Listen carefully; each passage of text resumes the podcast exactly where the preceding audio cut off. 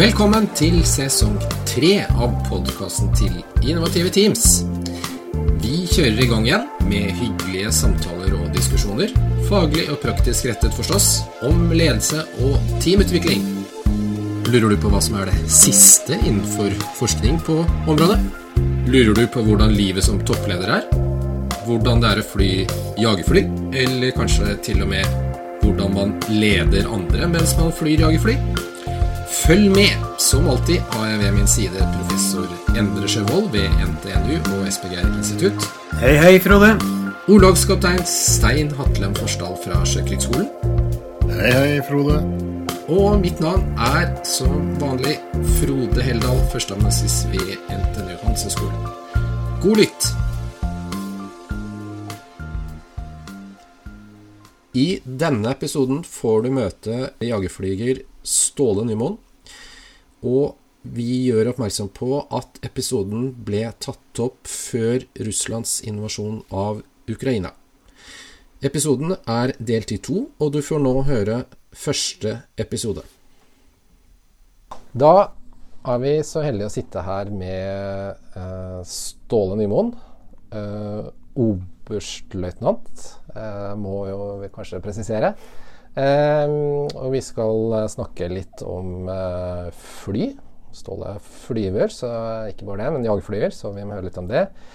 Eh, og Ståle er leder, har lang ledererfaring, så det skal vi høre litt om. Og vi skal høre litt om innføring av eh, nye kampfly. Så det blir gøy. Og vi får lov til, å, til og med lov til å være med ut på en liten flytur etter hvert.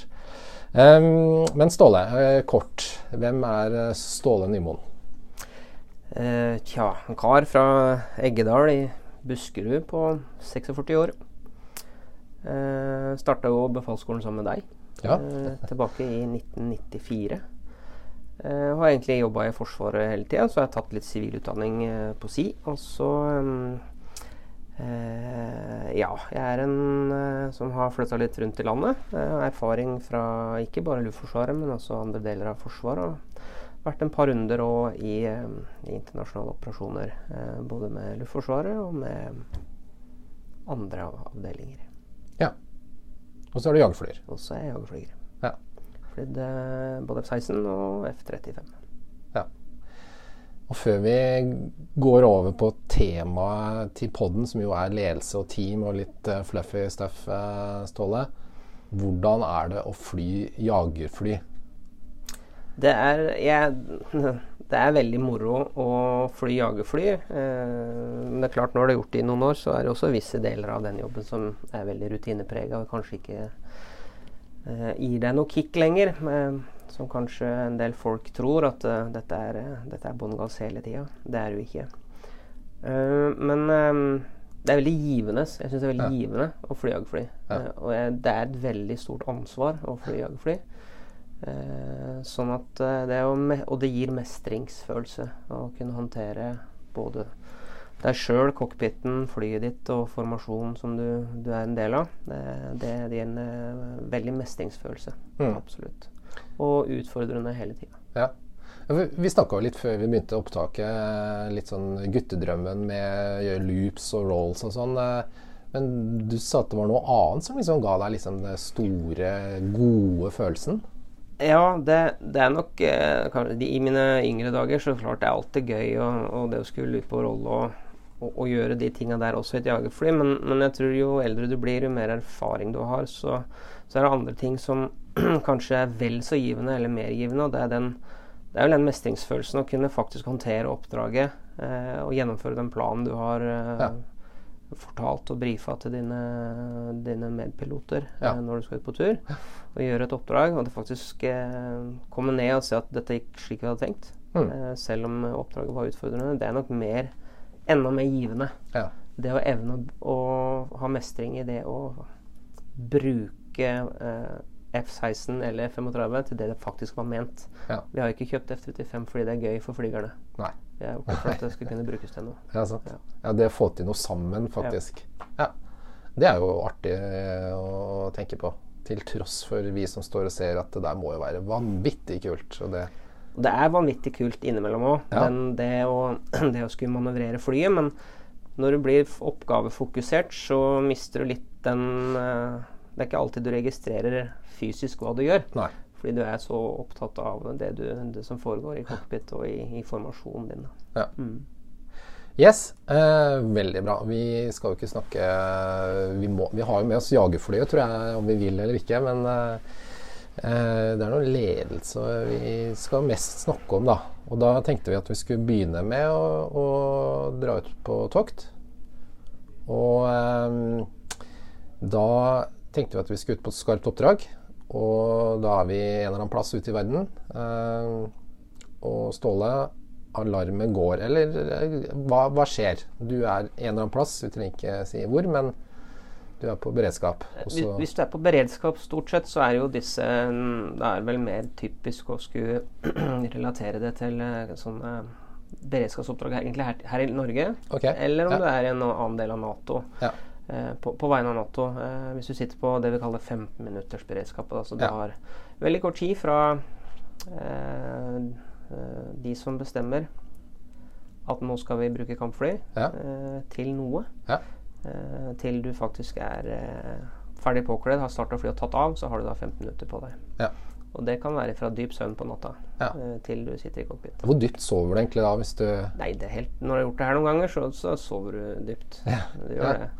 Eh, men det tar vel kanskje litt lengre tid å våkne noen ganger. Så Ja. det er vel flere av oss som har hatt en sånn følelse at du ikke helt har våkna ordentlig før jeg er 30 000 fot på vei nordover eh, fra Bodø og lurer på hva i all verden skjedde nå. Ja. Um, så, ehm, men um, det å få en sånn alarm, da, det, det er alltid litt spenning i det. Først og fremst så er det igjen veldig oppgavefokusert. Også som leder, og så veit at de du har med deg, de, de kan jobben sin. Ja. De er eksperter i det de skal kunne. Ja. Eh, og i Bodø så har de jo hatt eh, Nå har vi jo avvikla beredskapen i Bodø. Nå har vi jo overtatt med 35 på Evenes. Ja. Men det er jo samme oppdraget som skal gjøres derfra. Ja. Eh, om så med en annen flytype og, men, og fra et annet sted, men, men oppdraget er i og for seg ganske likt. Men måten vi løser oppdraget på med F-16 versus eller kontra F-35 kan nok være noe annerledes, eh, vil, jeg, vil jeg si. Så ehm, du, får, eh, du får alarmen. eh, du våkner, kler veldig fort på deg, eh, Ja. vekker de som er der. forteller at sånn og sånn har skjedd. Du snakker med luftoperasjonssenteret i Nato, eller kanskje gjennom da, det nasjonale luftoperasjonssenteret. Og, og de andre avdelingene på, som er i kommandokjeden ute ved, ved flystasjonen eh, for å få oppdraget. Og så er det å ta av. Og da er det jo to fly stort sett som vi gjør det Det her. er to fly. Det er to Ja. fly som står på skarp beredskap til Ja. tid. Med både skarpladd kanon og, og missiler som kan gjøre ordentlig vondt hvis du må benytte deg av de. Ja. Um, og så er det egentlig å prøve å finne ut av uh, Og i veldig veldig mange tilfeller så handler det her om å uh, identifisere en eller annen form for ukjent trafikk.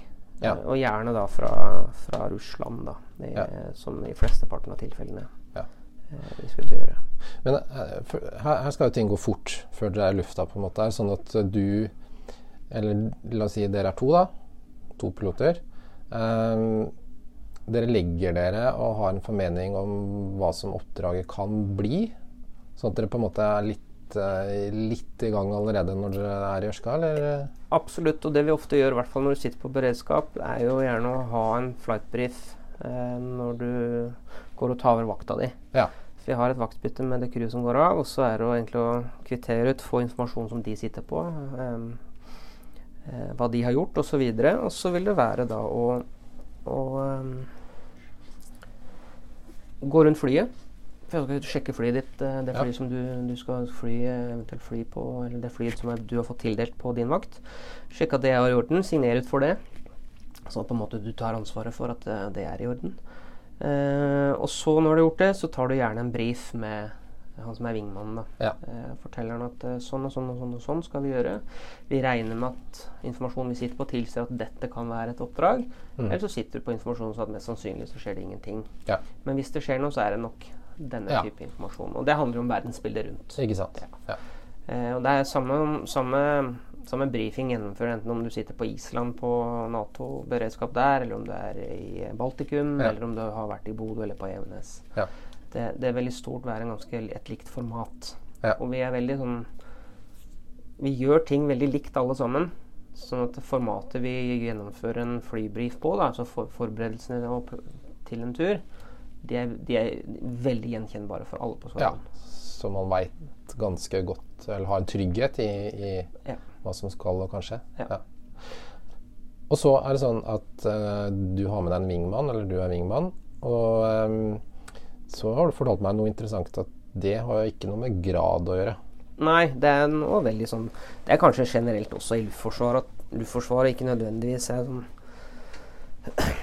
utpreget opptatt av grad, Mm. men kanskje mer opptatt av, av kompetanse og hva du kan og, og sånne ting. Men, eh, men på en kampflyskvadron, eller når du sitter på vakt, sånn som nå, og du skal gjøre et oppdrag, så kan det være ofte sånn at uh, han som er flight lead, eller formasjonsleder, han som er leder for vakta, mm. um, er uh, løytnant, mens uh, det er wingmannen kan være kaptein. da. Ja. Eh, det har litt med det er tilbake til eh, hva slags funksjon du har, hvor erfaren du har vært, mye du har flydd i det siste osv. Det kan være mange ting som tilsier at, at han, eh, han som er litt mer uerfaren, skal være lead nå. av forskjellige årsaker. Og også fordi han kanskje skal ha den treninga. Trenger den treninga. Ja. Eh, Sånn at det er eh, Og det gjelder ikke bare på denne type oppdrag, men spesielt kanskje i daglig trening, eh, så setter du gjerne at en løytnant leder en oberstløytnant, ja. ja. Ja. Og det går greit? ja. Ja. For det idet du på en måte går inn i flightbriefen, så er graden Den kastes på utsida. Den er lenger enn på utsida. Så det har vært mange tilfeller hvor jeg som oberstløytnant har fått eh, skal vi si, eh, konstruktiv kritikk og tilbakemeldinger på Ja. ting ikke jeg har gjort bra nok. Ja. Fra en, eh, en som er eh, betydelig mer uerfaren, Ja. men kanskje dyktigere. Ja. Og det må man bare håndtere. Det, Ja. Og det blir man vant Det blir man veldig vant til på en jagerskodron. Ja. Det å få tilbakemeldinger på kryss og tvers av både formelt lederansvar og, og det uformelle Ja. i hva du kan og ikke kan. Så det er en del av kulturen? Det er en del av kulturen Ja. på en jagerflyskvadron. Helt klart. Ja. Så dere lærer tidlig å ikke være hårsår? eh, Lærer veldig tidlig å ikke være hårsår på Ja. en jagerflyskvadron. Og det er ingen grunn til å være hårsår heller. Det vi Nei, jo. Tilbakemeldingene kommer av én grunn, og det er for at vi skal bli bedre. Nettopp. Mm.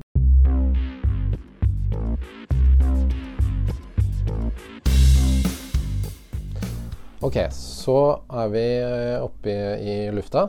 I, eller du- da. Jeg skal ikke si at jeg eh, er med, men eh, du, gnir deg litt i øynene. Og um, få høre litt sånn hvordan foregår kommunikasjonen, for da har du da vingmannen.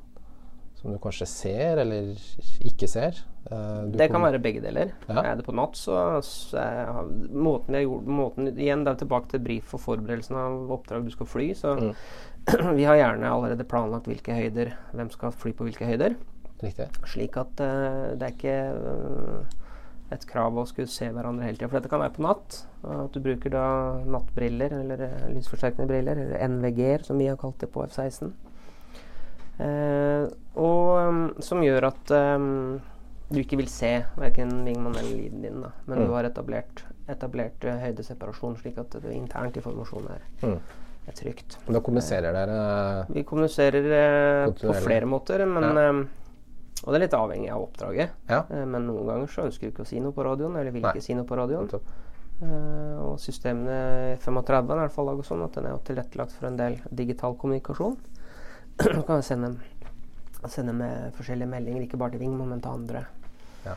Eh, og så er alt ofte planlagt, og du har standarder og kontrakter som du har inngått på forhånd, som gjør at behovet for kommunikasjon er særdeles lite. Ja, Mm. nettopp. Enn eh, mot eh, de som sitter og, og, og prater med dere fra land? Ja, eh, det går ofte på link, eh, altså gjennom data og tekstmeldinger på en måte type ting. Ja. Eller så, så går det på, på, på tale. Men, men det er jo ikke noe poeng i seg sjøl å skulle prate hvis det ikke har noe merverdi. Eh, for Nei. å skulle fokusere på Det er jo gjerne sånn at hvis du begynner å prate og du må høre, så ta, kan det Sånn er vi alle laga. At eh, det tar vekk noe av fokuset som du kanskje gjør på andre ting. Nettopp. Eh, så eh, det å minimere eh, voicecom, det er en sånn litt sånn generell regel kanskje som man har i, har i, eh, jagerflyvåpenet som sådan. Og de som kjenner meg, vet at der er kanskje jeg litt dårlig. For jeg er jo glad i å prate på radio. Får du høre det, da. Da får jeg høre det. Ja. Ja da. Ståle, nå prater du for mye. Ja. Men ok, vi, vi er jo i et skarpt oppdrag nå. Ja. Eh, og vi nærmer oss eh, at det er trafikk, sa du, uønska.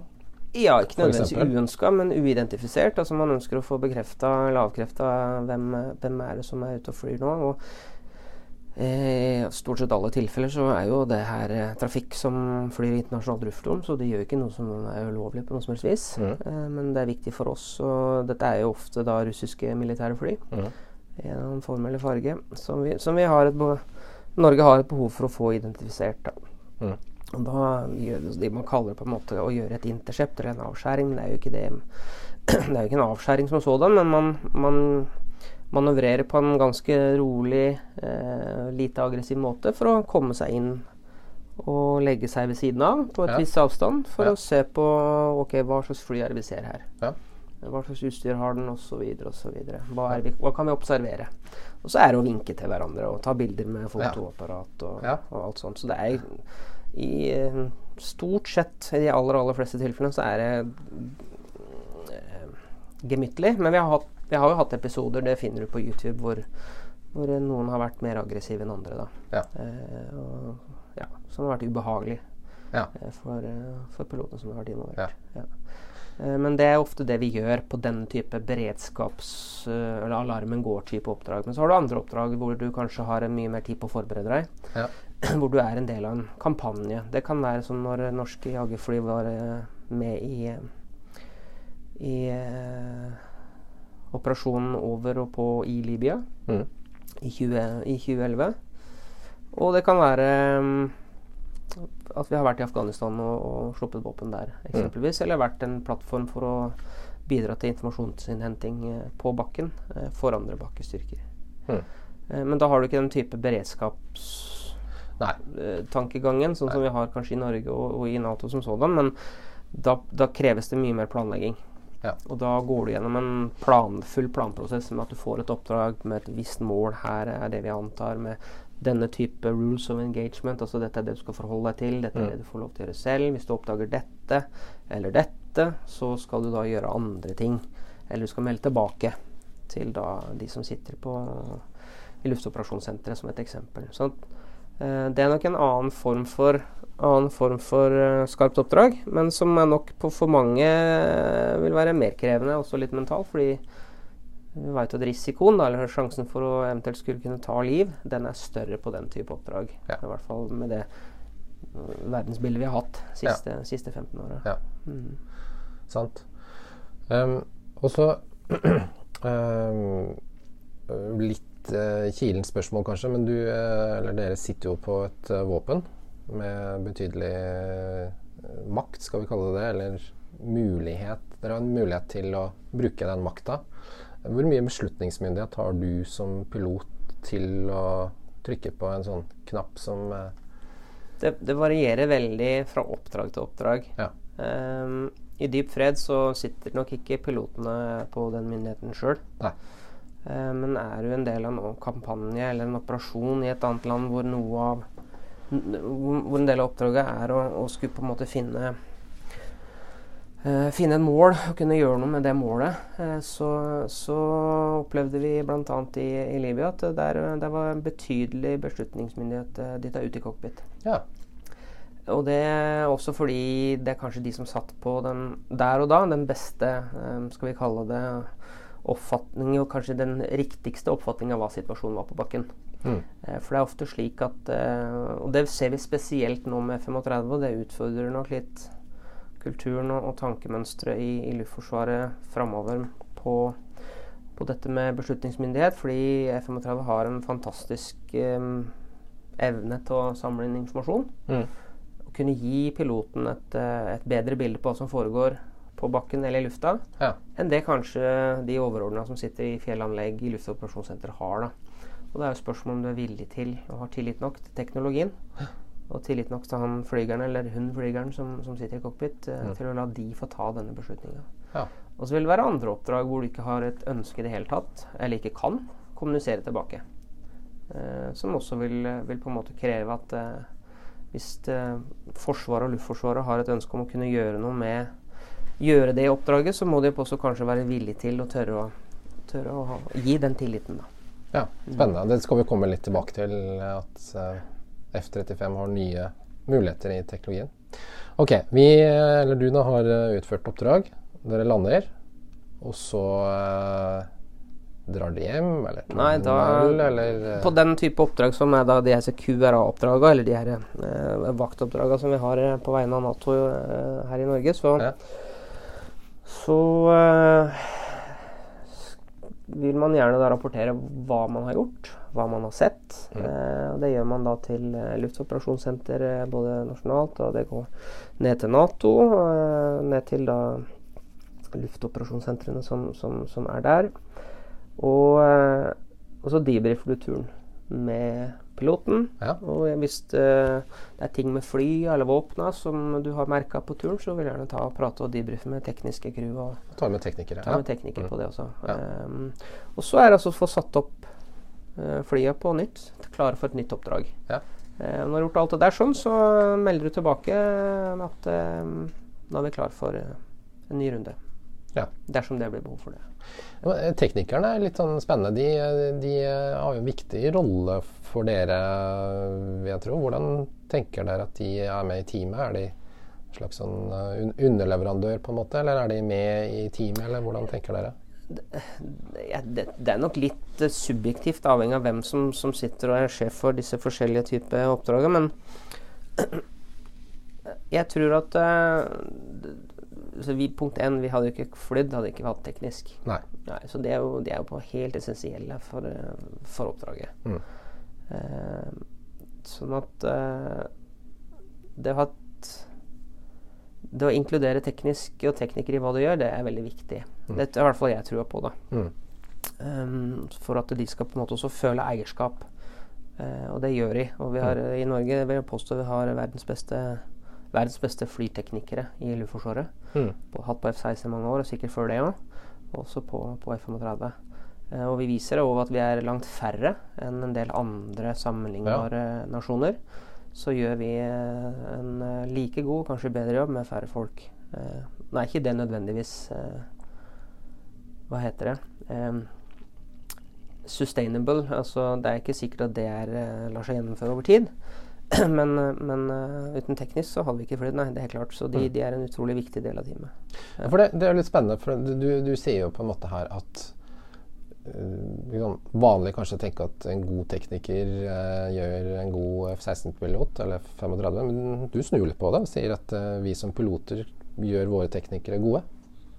Ja, altså, ikke at vi gjør våre teknikere gode, tror jeg. Fordi de, fag, faget kan de. Det kan ja, vi ingen okay. andre. Mm. Men, men det å Jeg har veldig trua på Jeg har veldig trua på Når du på en måte får et oppdrag, da, så er det veldig viktig å inkludere. Ja. Eh, slik at de også vet hva de er en del av. Ja. Det tror jeg er viktig å gi informasjon rundt. da. Mm. Eh, Så at de vet at nå har flyet mitt da, de, de har et veldig eierskap til flyene sine. Ja. fall hadde på F-16. Ja. Hvordan det er på 35, det veit ikke om jeg satser riktig ennå, men de, de har gjerne sine fly, og da de har et veldig, veldig eierforhold til det, og det skal Ja. være det beste flyet i, flåten. ikke sant? Så litt Ja. sunn konkurranse mellom teknisk der og Ja. mellom teknikerne. Kult. Jeg tror nok de har et sunt konkurranseinstinkt, de òg. Og stolthet i den jobben de gjør. da. Ja. absolutt. Vi, Det er veldig utrolig dyktige mennesker. Ja.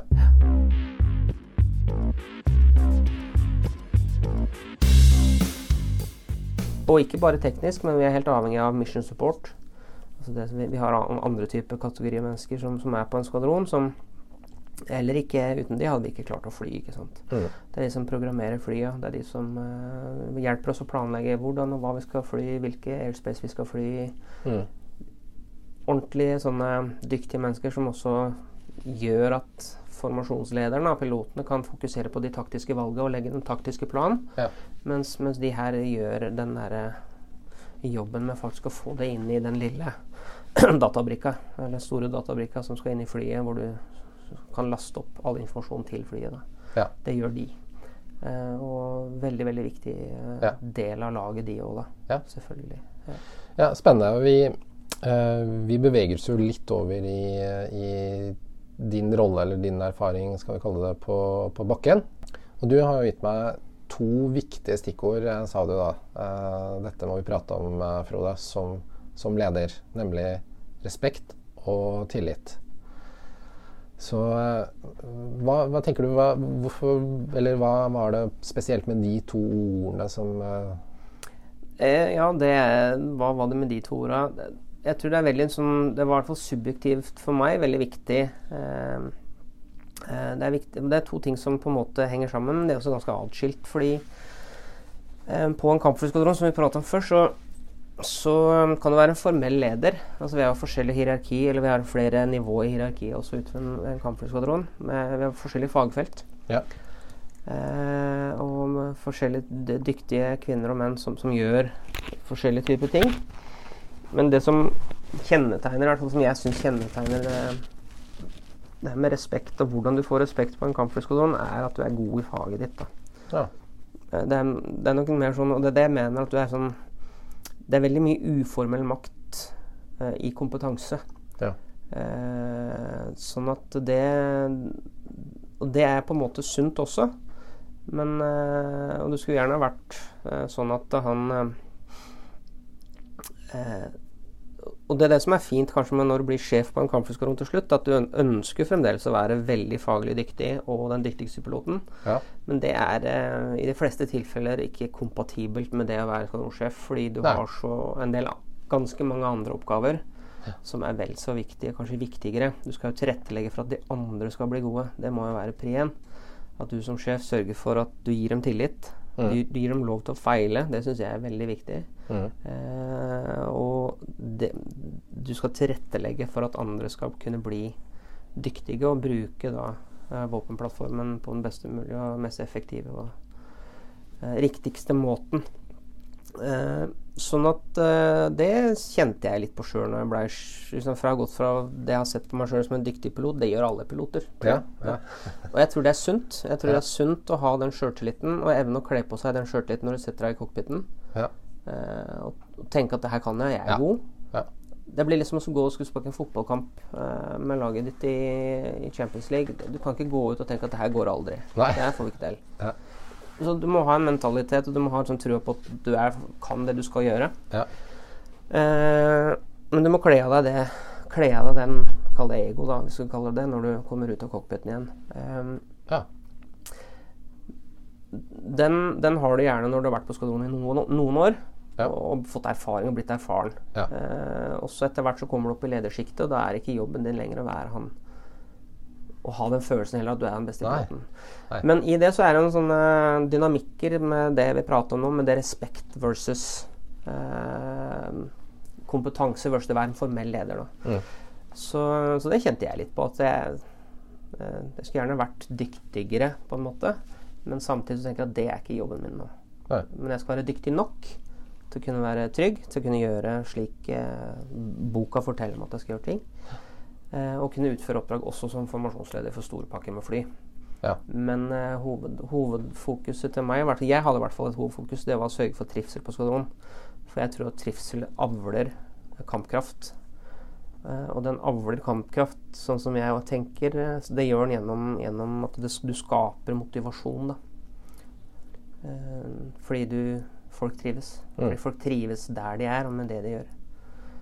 Samtidig så syns jeg at det kan, kan være Eller ikke syns den, Det er litt vanskelig noen ganger, for det, trivsel er subjektivt. Mm. Det du trives med, Frode, er ikke sikkert jeg trives med på en arbeidsplass.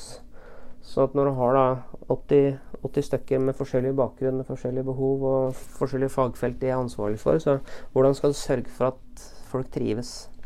Så det, det, men det hvordan, hvordan gjorde du det? Nå er ikke sikkert alle trivdes når jeg var sjef, det, det kan jeg ikke si noe rundt. Men, men jeg, jeg handler veldig mye om å vise tillit. Ja. Og rom for å feile. Mm. Vise tillit og rom for å feile, det har jeg utrolig trua på. Mm. Eh, og så har du mange ildsjeler, du har mange kreative mennesker og masse initiativ. Og så er det å evne å ta de initiativene som du veit du har mulighet til å gjennomføre eller gjøre noe med, versus det å skulle si kjempebra, men ja. det her kommer nok ikke til å få gjennom uh, oppover i systemet, da, ja. som et eksempel. Uh, så, så, min subjektive erfaring da, det er klart det, det, er ikke sikkert alle er enig som jeg har vært sjef for, men, Men, men trivsel skaper du gjennom å gi tillit. Ja. Det er en, en, en veldig Uten at jeg har lest noe rundt det, men det har jeg troa på. da. Opp til et visst punkt, selvfølgelig. For hvis det er ikke alle som over tid nødvendigvis viser seg skal kalle tillitsverdig. da. Nei, riktig. Eh, Ja. Og utnytter kanskje det også. Eh, Men da må man gå inn og justere. Eh, og det misforsto meg rett. Jeg, jeg er ikke redd for å bruke skal vi kalle det, den, gode gammeldagse A-lederskapet, jeg heller. Jeg vil du skal, hvis jeg må det. Nei. Det har jeg òg gjort. Ja. Men igjen tilbake til det at du er veldig vant med å på en måte Du er, du er ikke hårsår stort sett når du har jobba på en kampflyskvadron over tid. Ja. Så håndteres det også veldig fint. Man Ja. blir ikke uvenner. Altså, man er veldig Jeg tror, jeg har en opplevelse i hvert fall, at man, er veldig, man blir veldig god på å skille sak og person. Ja. Eh, på, selv om du får krasse tilbakemeldinger. Ja, ja. Men øhm, Og vi var litt innom det, og det er veldig interessant det med den tilbakemeldingskulturen som, som dere har med dere som flyvere. Uh, og- men på skvadronen så jobber det jo folk som ikke har den bakgrunnen også. Ja, det, det er riktig. Eh, og, men det her handler litt om Det er nok Um, Jeg tror det har endra seg eh, også etter hvert for de andre eh, kategoriene som ikke nødvendigvis er flygere. Mm. Uh, det handler litt om den uh, Det vi gjør når vi har en arbeidsdag, hvordan arbeidsdag egentlig utarter seg. For at Mm.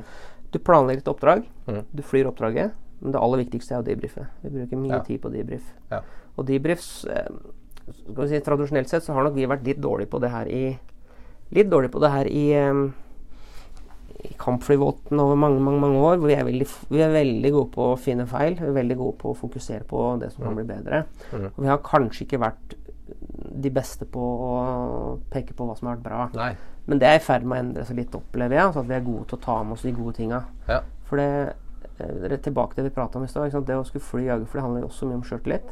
Mm. Og hvordan skal du da bygge mennesker? Hvordan skal du bygge menneskers selvtillit? Da Mm. eh, Da kan du ikke bare fortelle om alt eh, hva de gjorde galt, eh, men, eh, men også hva de gjør bra. Ja. Så, så det, det har nok vært en endring rundt i de, i de seinere år, opplever i hvert fall jeg. Ja. Eh, men eh, men eh, det fokuset på den debrifen, det Ja. tror jeg har smitta også over på andre kategorier. Ja. Som gjør at også de debrifer nå Ja. på en annen måte. Ja. Og de, de hører jo hvordan piloter stort sett prater mot og til hverandre, og, og det er ganske ufiltrert. Mm. Men når du kjenner folk godt og du har god kjemi med mennesker, så er jo det en veldig bra måte å prate med mennesker på. ja. Altså du husker Fra lang, lang lang tid tilbake, når jeg gikk på jeg, um, Prøvde å utdanne meg gjennom Luftkrigsskolen, så lærte vi noe sånn FIRO-modellen. Ja. Eh, sånn gruppedynamikkmodell og sånn. Den type ting. Så man må sånn forbi den her rosa skya, og så må du bli godt kjent. Og da, da, da tåler man Om man vokser Mm. på å få tilbakemeldinger, da. Mm. Ja. Det er ikke det at man endrer seg, men man veit hva som var bra, hva som var dårlig. Hva, men man utvikler seg. Det er forskjell på å endre seg som person og det å utvikle seg ja. eh, i, i det man gjør. Hva vil du si skal til, eller hvordan skal man klare å komme dit? For det er jo litt sånn Vi kan jo kjenne på litt ubehag kanskje med folk som er veldig direkte og ærlige. Kanskje, i hvert fall jeg. Ja, eh, og det, det, det er nok sikkert en del som kan kjenne det overfor meg òg, for jeg For i hvert fall utenforstående som ikke har vært en del av det miljøet, så, så kan nok noen av oss virke litt sånn ufiltrert og, og direkte. Mm. Men uh, da får jeg bare si det at det, hensikten er ikke å være det. Hensikten Nei. er rett og slett bare å sørge for at systemet blir bedre. Evne til å løse oppdrag blir bedre. Ja. Det har jo ingenting med personen å gjøre Nei. i det hele tatt. Nei. Nei. Så vi kan være, kan være kjempegode venner og ha en kjempefin uh, samtale med en mann eller en dame eller på skvadronen om noe, og så har vi hatt en en ganske ærlig tilbakemelding og debrief session. Ja. Så er vi like gode venner etterpå. Ja. Du har evne men, men den brytninga der, da. Ja. Det tror jeg er sunn. Sunn også å gjøre, men, men jeg tror det fordi vi veit at hensikten her er jo ikke Det er jo ingen onde hensikter med at du, du er direkte. Tvert imot. Mm. Det er for å gjøre hverandre bedre, faktisk. Ja. Og da er det noen ganger litt vanskelig å skulle pakke det ordentlig inn i ull. ja. Litt dumt, kanskje. Litt dumt å pakke det inn, for da kan du sitte igjen med hva var han, hva var han egentlig mener. Ja. Eller hva hun egentlig tenker om hva jeg har gjort. Ja. Så, sånn at um, Ja. eh, Direkte tilbake. Og det at folk er ærlige. Det er også utrolig Ja. viktig. Jeg setter veldig stor pris på at folk er ærlige alle veier. Og sier at jeg har fått tilbake med sånn når du sier sånn, så føler jeg sånn. Og så, Mm. ja, men det skal jeg ta med meg. For da kan jeg heller, da kan jeg heller justere min, min væremåte litt. eh, På en måte ikke effekten oppnås, da. Dette var da første episode med Ståle Nymoen. Du får høre mer av og om Ståle i neste episode, som kommer om en uke. Ha det bra.